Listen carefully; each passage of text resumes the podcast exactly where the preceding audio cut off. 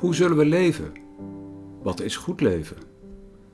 De tien geboden geven richting aan een goed leven op aarde met God en met elkaar, zowel persoonlijk als gezamenlijk. Die oeroude tien leefregels wijzen ook vandaag een weg die we in gehoorzaamheid, vertrouwen en vrijheid kunnen gaan. We zoeken in deze podcastserie naar wat deze tien levenswoorden ons te zeggen hebben in onze tijd met alle ontwikkelingen en vragen. In de serie van 10 verdiepingsdiensten staan we één voor één stil bij de betekenis van de 10 geboden.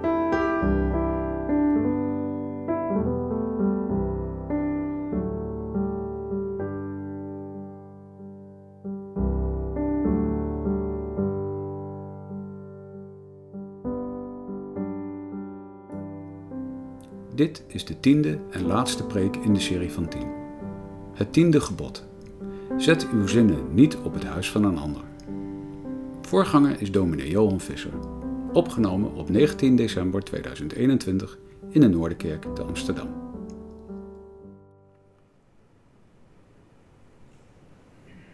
We lezen twee gedeelten uit de Bijbel die beide te maken hebben met dat tiende gebod. Het laatste dat we behandelen in de serie verdiepingsdiensten. U zult niet begeren. heeft eigenlijk een beetje twee, twee manieren waarop je het gebod uh, kan lezen en moet uitleggen. En beide lezingen gaan eigenlijk over, in die, over beide manieren. De eerste is uit het Oude Testament een verhaal over koning Agab. Die begeert, een wijngaard begeert en dat loopt verkeerd af. 1 Koningen 21. En we zingen daarna uit Psalm 119, de versen 1 en 13 uit de nieuwe beruiming. Hierna gebeurde het volgende. Nabot uit Israël had een wijngaard die in Israël lag, naast het paleis van Agab, de koning van Samaria. En Agab sprak tot Nabot, geef mij uw wijngaard, dan kan die mij tot een moestuin dienen. Hij ligt immers vlak naast mijn huis. Dan geef ik u in plaats daarvan een wijngaard die beter is dan deze. Of als het goed is in uw ogen, geef ik u de waarde ervan in geld.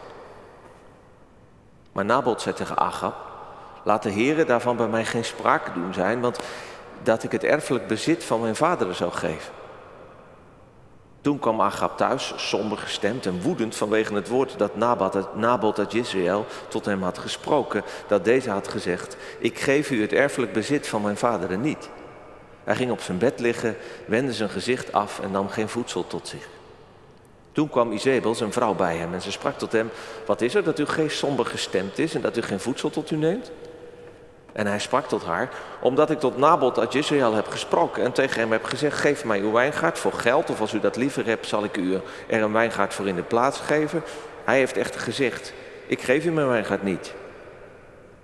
Toen zei Izebel, zijn vrouw, tegen hem: moet u nu het koningschap over Israël uitoefenen? Sta op, neem voedsel tot u, laat uw hart vrolijk zijn, dan zal ik u de wijngaard van Nabot uit Israël geven. En vervolgens schreef zij brieven in de naam van Agab, verzegelde die met zijn zegel en stuurde de brieven naar de oudsten en naar de edelen die bij Nabot in die stad woonden.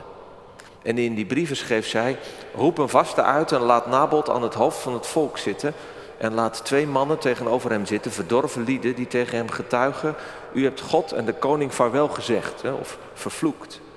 Breng hem dan naar buiten en stenig hem, zodat hij sterft. En de mannen van zijn stad, die oudste en die edelen die in zijn stad woonden, deden zoals Izebel hun opgedragen had, zoals geschreven was in de brieven die zij hun gestuurd had. En ze riepen een vaste uit en ze lieten Nabot aan het hoofd van het volk zitten. En toen kwamen er twee mannen, verdorven lieden, tegenover hem zitten. En die getuigden tegen hem, tegen Nabot en overstaan van het volk. Nabot heeft God en de koning vaarwel gezegd. En daarop brachten ze hem naar buiten de stad en stenigden hem met stenen, zodat hij stierf. En daarna stuurden ze Izebel een bode om te zeggen, Nabot is gestenigd en is dood. En het gebeurde nu toen Izebel hoorde dat Nabot gestenigd en dood was dat Izebel tegen Agab zei, sta op en neem de wijngaard van Nabot uit Israël in bezit, die hij weigerde u voor geld te geven. Nabot leeft namelijk niet meer, maar is dood. En het gebeurde toen Agab hoorde dat Nabot dood was, dat Agab opstond om naar de wijngaard van Nabot uit Israël af te dalen om die in bezit te nemen. Maar het woord van de Heer kwam tot Elia de Tisbiet. Sta op, daal af, Agab, de koning van Israël, tegemoet, die in Samaria woont. Zie, hij is in, de wijngaard van Nabot, waarin hij afgedaald is om die in bezit te nemen. En u moet tegen hem zeggen, zo zegt de Heer, hebt u een moord gepleegd en ook iemands land in bezit genomen? En verder moet u tot hem spreken, zo zegt de Heer, op de plaats waar de honden het bloed van Nabot opgelikt hebben, zullen de honden uw bloed oplikken. Ja, het uwe. Tot zover de eerste lezing.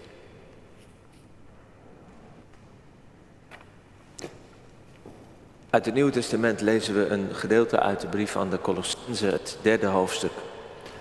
Vanaf vers 1 en we lezen tot 17 en ik sla een paar versen over. Daar schrijft de apostel, als u nu met Christus opgewekt bent, zoek dan de dingen die boven zijn, waar Christus is die aan de rechterhand van God is. Bedenk de dingen die boven zijn en niet die op de aarde zijn. Want u bent gestorven en uw leven is met Christus verborgen in God. En wanneer Christus geopenbaard zal worden, die ons leven is, dan zult u ook met Hem geopenbaard worden in heerlijkheid. Dood dan uw leden die op de aarde zijn: ontucht, onreinheid, hartstocht, kwade begeerte en de hebzucht die afgoderij is. En dan gaat het nog een stukje verder en dan lees ik vanaf vers 12. Bekleed u dan als uitverkorene van God, heilige en geliefde, met innige gevoelens van ontferming, vriendelijkheid, nederigheid en zachtmoedigheid, geduld. Verdraag elkaar en vergeef de een de ander als iemand tegen iemand een klacht heeft. Zoals ook Christus u vergeven heeft, zo moet u ook doen. En doe boven dit alles de liefde aan die de band van de volmaaktheid is. En laat de vrede van God heersen in uw harten, waartoe u ook in één lichaam geroepen bent en wees dankbaar. Laat het woord van Christus in rijke mate in u wonen, in alle wijsheid. Onderwijs elkaar, wijs elkaar terecht met psalmen, lofzangen en geestelijke liederen. Zing voor de Heer met dank in uw hart. En alles wat u doet met woorden of met daden, doe dat alles in de naam van de Heer Jezus, terwijl u God en de Vader dankt door Hem. Zalig ben je als je het woord van God hoort en het bewaart. We lezen nog één vraag uit de Heidelbergse Catechismus, de zondag die over het tiende gebod gaat. Wat eist het tiende gebod van ons? Dat zelfs de minste neiging of gedachte in strijd met enig gebod van God nooit in ons hart mag opkomen. Maar dat wij te alle tijden en met ons gehele hart alle zonde haten en alle gerechtigheid lieven. Gemeente van Jezus Christus, verspreid op de plekken waar jullie nu achter het scherm zitten en hier in de kerk een paar. Ik zag deze week een paar tekeningen van plantenwortels. Gemaakt door een plantkundige uit Wageningen. En ik begrijp dat die opnieuw op het internet gezet waren. En ehm, jullie gaan nu een afbeelding daarvan, uh, daarvan zien. En voor degene in de kerk, het plaatje vinden jullie hier op de, op de liturgie.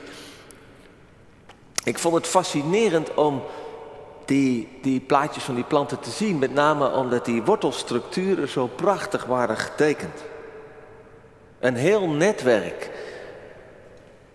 vaak groter dan de plantjes zelf, een hele wereld onder de grond, die natuurlijk noodzakelijk zijn voor het leven en de groei van een plant. En ik bedacht me, zo werkt het denk ik ook met ons gedrag, met onze daden. Die zijn zichtbaar, hè? wat we zeggen, wat we doen, die zijn boven de grond zou je kunnen zeggen. Maar onder de grond, onder ons zichtbare gedrag, zit er ook een hele binnenwereld. Zitten wortels van onze gedachten, onze verlangens, onze wil, neigingen, die uiteindelijk heel bepalend zijn voor wat we doen en wat we laten. Het tiende gebod is het sluitstuk van de tien geboden. En het gaat over de binnenwereld. Je zult niet begeren. Niet verlangen wat van je naaste is. Althans, dat is de klassieke uitleg van het gebod. Zoals ook de Heidelbergse catechismus die klassiek christelijke uitleg volgt. Dat zelfs niet de minste neiging of gedachte in strijd met enig gebod van God in ons hart mag opkomen. In de woorden van Jan Koopmans, die in de Tweede Wereldoorlog hier op de kansel stond. Negen geboden hebben ons geleerd, gij zult geen zonde doen. In de tiende wordt ons voorgehouden, je zult geen zonde willen. Ja, wij mensen, we hebben natuurlijk een binnenkant, een innerlijk en we hebben een buitenkant.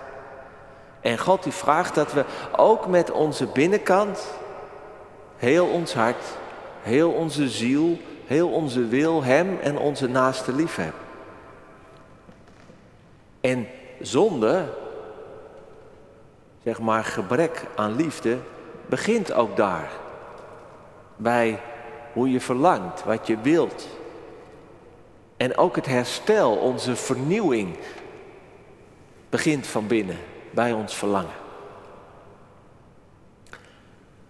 En toch is het denk ik goed om eerlijk te kijken naar het tiende gebod en dan te zien dat het in de eerste plaats niet over begeren in het algemeen gaat, maar over een bepaald soort begeren. Je zult niet begeren van je naaste, zegt het gebod. Drie keer wordt het heel duidelijk gezegd, je naaste. Dus in de, in de eerste plaats, denk ik, gaat het gebod over respect voor je buurvrouw, je buurman, je medemens die naast je is. Geef hem of haar ruimte om te leven. En, en zet je zinnen niet op zijn huis. Dat is de plek waar hij of zij leeft, inclusief het land. Zijn vrouw. Dat is natuurlijk, klinkt voor ons een beetje, beetje ouderwets, patriarchaal. Hè? Dus Hoewel in de wereld van de Bijbel denk ik, de vrouw was niet het bezit van de man, maar ja, ze, ze had ook niet een zelfstandige plek. En ook niet op zijn personeel. En op de dieren die nodig zijn om in zijn bestaan te voorzien. En om misverstanden uit te sluiten, begeer niet wat ook maar van je naaste is. Je moet dat niet willen hebben en pakken voor jezelf maar je moet je naaste, zijn leven, zijn bezit, het goede gunnen. Het is dus een gebod om samen te leven. Het is een gebod om een gemeenschap te zijn waar mensen buren zijn. Waar mensen naast elkaar kunnen leven. Ik dacht, het is dus ook wel een gebod voor de mensen die bij de rijdende rechter aanschuiven. Of die dat misschien beter wel eens zouden doen. over hun schutting en hun recht van overpad. En de overlast die ze elkaar bezorgen. Het tiende gebod zegt dat, dat God mensen samen wil hebben. Zijn doel, zijn idee voor, met, met de schepping is niet een verzameling individuen die allemaal voor zichzelf leven en voor zichzelf zorgen. En waar de slimste en de sterkste kunnen pakken wat ze willen. Nee, Gods idee is echt een samenleving. Er zijn in de Bijbel twee verhalen die bij dit, dit begeren heel duidelijk de vinger leggen. En het zijn twee verhalen over koningen die iets begeren wat van hun naaste is. Eentje hebben we gelezen, eentje niet. Het zal een beetje te veel worden, maar denk ik bij velen wel bekend. Het verhaal van koning David, die de vrouw van zijn officier Uria begeert en neemt. En de andere hebben we gelezen, koning Agab en zijn vrouw Izebel, die de wijngaard van Nabot nemen. Om er een moestuin van te maken. Het is natuurlijk niet onbelangrijk, denk ik, dat het in beide gevallen gaat om een machtig iemand die iets van hun ondergeschikte begeren. En als zij het tiende gebod serieus hadden genomen, dus David die had nadat hij Bathsheba had zien eh, baden daar in, in de tuin, die had uh, na één keer had hij weggekeken en een psalm gezongen. Of misschien had hij nog wel een paar keer gekeken, maar toen hij de vraag stelde van wie is die vrouw eigenlijk? En had gehoord dat, nee, dat is de vrouw van Uria. Die had gedacht, nou jammer, maar die is bezet. Dan had dat niet geleid tot de zonde tegen gebod 6, moord, tegen gebod 7, overspel en tegen gebod 9, leugen. En als Agap, we hebben het gelezen, die, die afwijzing van Nabot, ja, gewoon maar had geaccepteerd en een andere plek voor zijn bloemkool had gezocht, in plaats van als een klein kind op de bank te gaan zitten te liggen mokken, dan had dat niet geleid tot de zonde tegen gebod 3. Het voor je eigen doel gebruiken van de naam van God. Gebod 6, moord. Gebod 8, stelen. En gebod 9, leugen. In beide gevallen gaat het erom dat één mens, de koning, zijn naaste geen land of geen levenspartner gunt. Omdat hij dat voor, voor zichzelf begeert. En daarmee de gemeenschap stuk maakt. Relatie kapot maakt. Tot de dood toe zelfs. Je kunt natuurlijk zeggen, nou ja, op zich dat begeren, dat verlangen daarna, dat is natuurlijk het probleem niet. Het probleem is dat, dat Agap en David dat die, dat die tot actie overgaan. Waarbij ze echt daadwerkelijk hun naaste schade. Maar toch denk ik dat juist hier zichtbaar wordt wat het gebod aanwijst als een dieper liggend probleem. Namelijk dat begeren, dat, dat meer willen hebben en niet aan je naaste denken. Ze waren, met dat ze aan het begeren waren, waren ze al een grens overgegaan.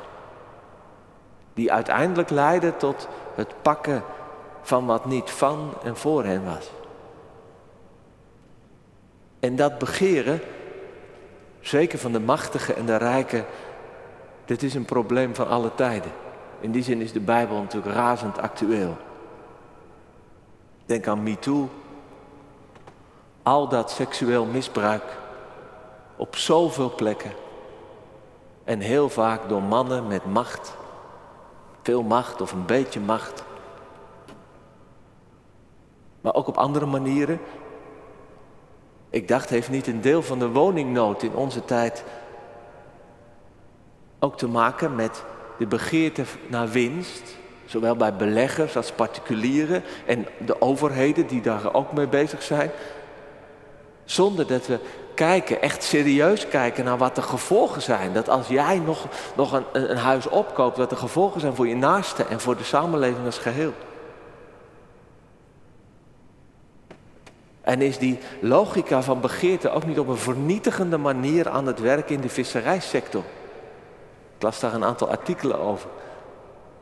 Er zijn een aantal multinationals, waaronder een paar Nederlandse, die kopen allemaal visrechten op. Overal in de wereld. En met megaschepen, dat zijn een soort varende visfabrieken, vissen ze de, de zee leeg. Zonder oog te hebben voor de naasten in andere landen die van dat vissen leven. En waarom is het? Wat is de logica erachter?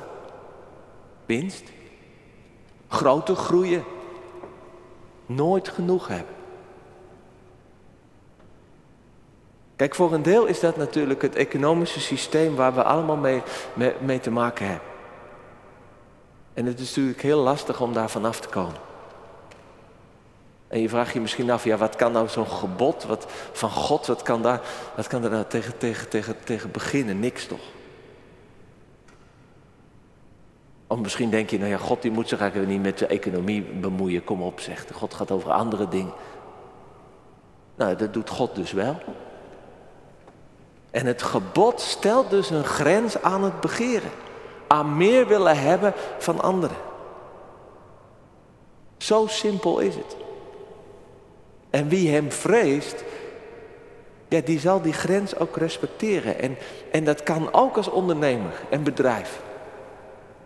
Gods wetten, de morele wetten van het leven, die zijn toch niet wereldvreemd. Het gaat er gewoon om dat je wat, in wat je doet, dat je aan je naaste denkt. Ja, en, en hoe groter je wordt, bijvoorbeeld als bedrijf, ja, hoe meer naaste je krijgt. Zo, zo, zo simpel is het. En, en aan hem moet je denken. En als je weigert om naar hen te kijken. En je slechts laat leiden door je verlangen naar meer en groei. Of als je oppervlakkig in het leven staat en zegt van ah, goed en kwaad en geboden, dat is voor de dominee, dat is niet voor de koopman, die kan er niks mee. Ja, dan ga je een morele en door God gestelde grens af. En dan kom je een keer de profeet Elia tegen.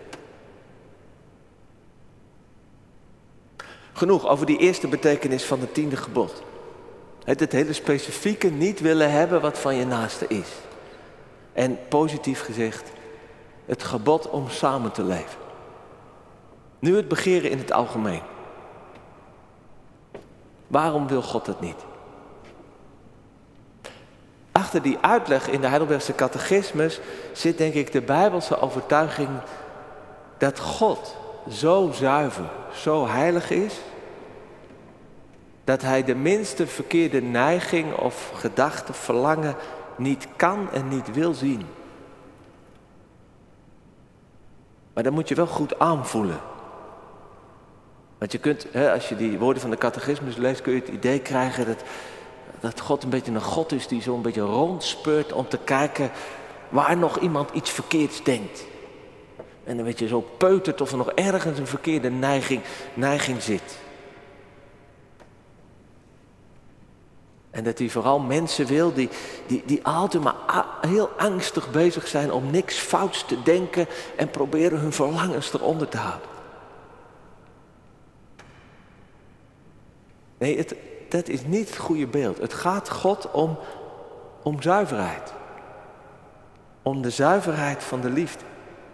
Om mensen die heel zijn, die, die van binnen echt goed zijn.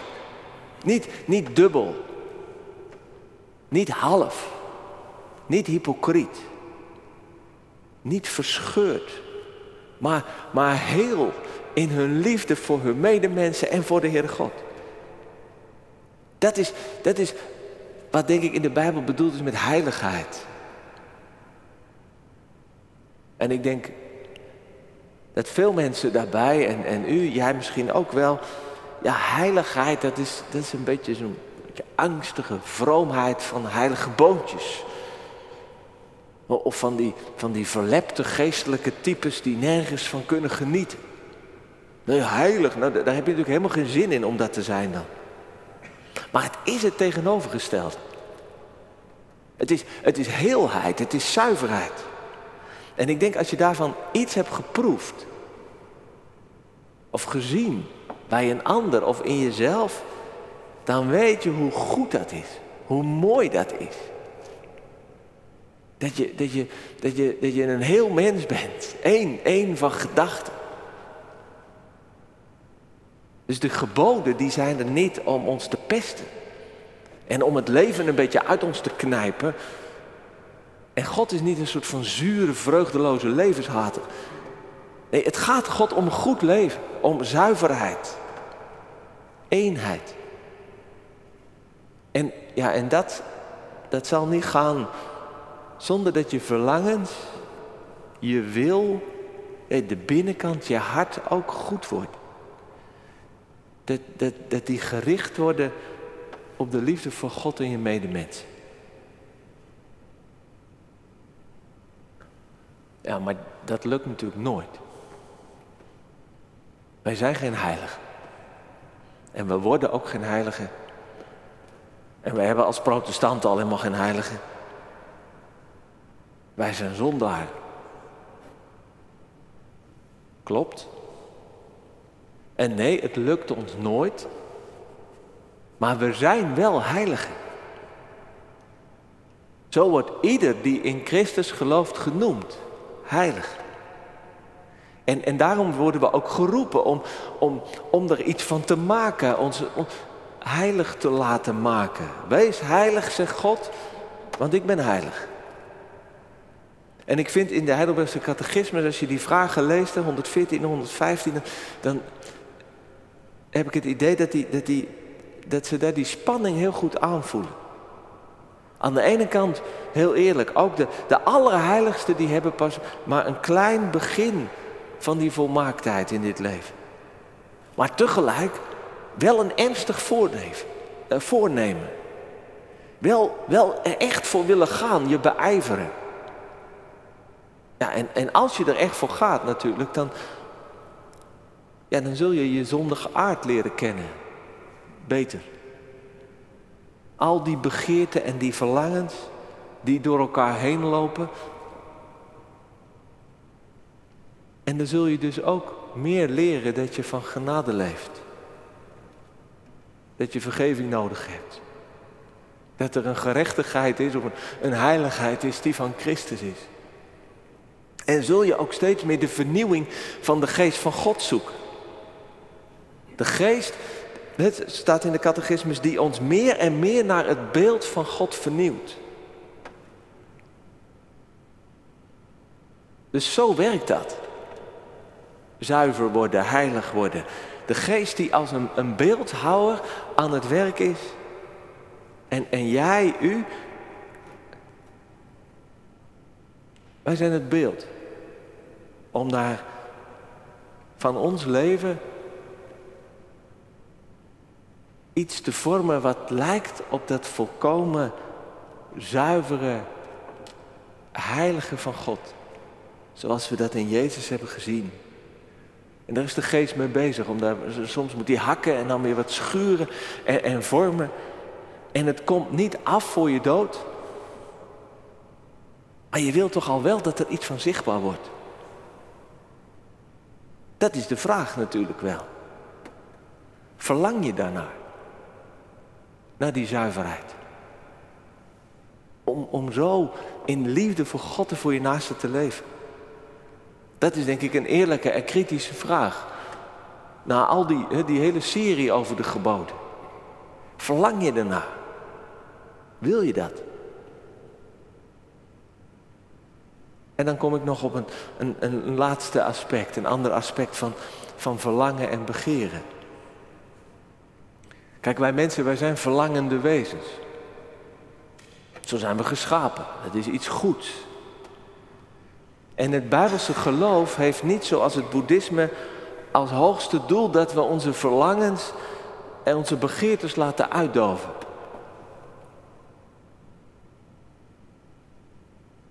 Volmaaktheid is niet een, een, een staat van nou, dat je helemaal niets meer verlangt. En dat je dan opgaat in het nirvana, in het grote niets. Nee, zo werkt het voor God niet. Wat God wil is dat onze verlangens die Hij heeft geschapen, waarmee we op de aarde zijn gekomen, dat die vernieuwd wordt. En dat daarin de liefde leidend wordt. En dat die onze verlangens bij elkaar brengt. Ook al die gewone aardse verlangens die we hebben.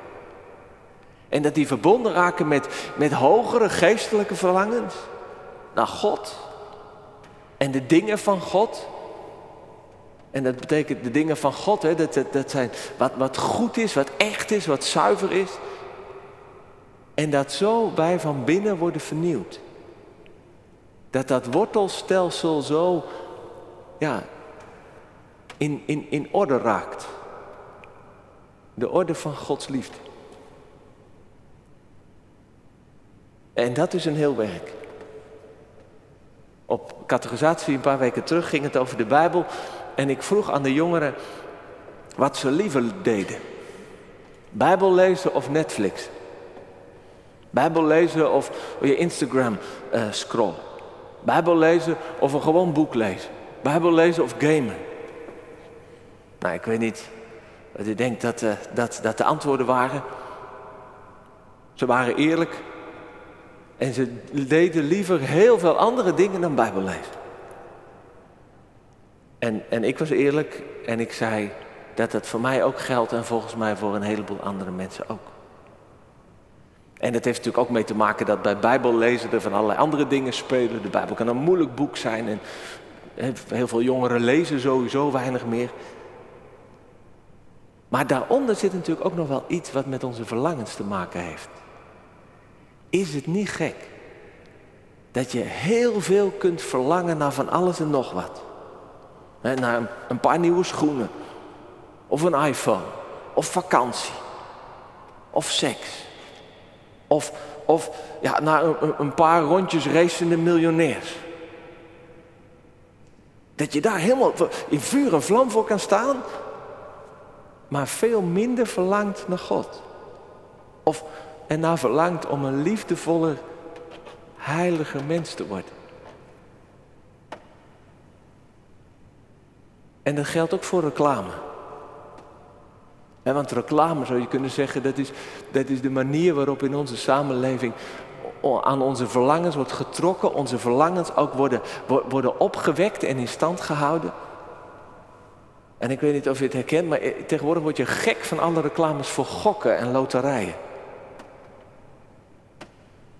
En er is natuurlijk nog niet genoeg verslaving. En de verslavingszorg, daar is ruimte genoeg. Er kunnen nog wel wat gokverslaafden bij. Dus ja, laten we nu maar nog wat meer mensen aan het gokken krijgen. En, en waar het natuurlijk uiteindelijk ook over gaat bij gokken, namelijk de hebzucht. Het ja, meer bezit willen hebben. Die, die daardoor ook wordt opgewekt en bediend. Dat is natuurlijk ook ontzettend goed voor onze samenleving. Dat vinden we allemaal ontzettend belangrijk. En de apostel Paulus die sloeg de plank natuurlijk helemaal mis toen hij zei dat de hebzucht de wortel van alle kwaad is. Ja, hoe komt dat toch? Hè? Dat we in onze samenleving ervoor kiezen om de hebzucht zoveel ruimte te geven. En waarvan we zien dat die hebzucht dus ook ontzettend een negatieve gevolgen kan hebben in levens van mensen die verslaafd raken en ook gewoon in de samenleving. En waarom maken we heel weinig reclame voor voor liefde. Of voor vergeving. Voor zorg voor elkaar. Of voor God. Dat wijst volgens mij op het probleem met onze verlangens, met die, met die wortels van ons hart. Die moeten loskomen van onze egoïstische begeertes. En ook ervan dat we alleen maar met, met oppervlakkige uh, verlangen naar, naar op zich natuurlijk goede dingen dat, dat, dat die te veel aandacht vragen, dat die te groot worden. Waardoor er geen ruimte is voor, voor, voor, voor die goede verlangens van, van, van de liefde. Nou, daarvan loskomen gaat niet vanzelf. In de woorden van een van de uh, eerste protestantse theologen, Philippus Melanchthon, verlangens worden alleen overwonnen door sterkere verlangens. Dat vind ik een scherpe, scherp inzicht. We hebben een sterker verlangen nodig dat die andere verlangens die soms zo ordeloos zijn of veel te groot zijn, kan overwinnen. En dat verlangen, dat kun je ontvangen. Dat, dat geeft de Heilige Geest. Simpelweg doordat je ogen open gaan voor de liefde van God die ook naar ons verlangt, naar jou, naar u. Dat je, dat je de schoonheid van God ziet. Een liefde die zo diep gaat en die zo overvloedig is. Dat die je weet te pakken en dat die andere verlangens hun plek krijgen. Zonder dat ze te groot worden en zonder ook dat ze jezelf of, of je naaste benadelen. En zonder zo'n sterk verlangen, dat sterkere verlangen, dan blijf je een speelbal van al die verlangens. En de een natuurlijk heeft dit en de ander heeft dat. En vandaag is dit en morgen weer dat. En de ene keer komt het heel, heel diep van binnen uit je, hè, bij jezelf. En de andere keer wordt het gewoon maar wordt het weer bij je opgetrokken van, door, door reclames en wat er, wat er speelt bij anderen. We hebben dat sterkere verlangen nodig. En de geest wil het ons geven. En tegelijk kun je dat verlangen ook voeden en oefenen. En dat laten we uit die brief aan de Colossense. Zoek de dingen die boven zijn. Richt je erop. Bedenk ze. Het wil zeggen, ja, vul je hoofd ermee. En, en, en dood die andere verlangens. En laat de vrede en het woord van Christus in je wonen. Dat zijn allemaal, denk ik, manieren om, om de wortels van je leven, je verlangens, door dat ene sterke verlangen te laten meenemen en te laten vernieuwen. En, en dan krijgt het tiende gebod een positieve twist. Van je zult niet begeren naar, je zult verlangen naar God. naar een heilig, heel goed leven. Naar het goede voor je naaste. Zijn huis, haar man, je werknemer, je buren, de dieren en de aarde. Amen.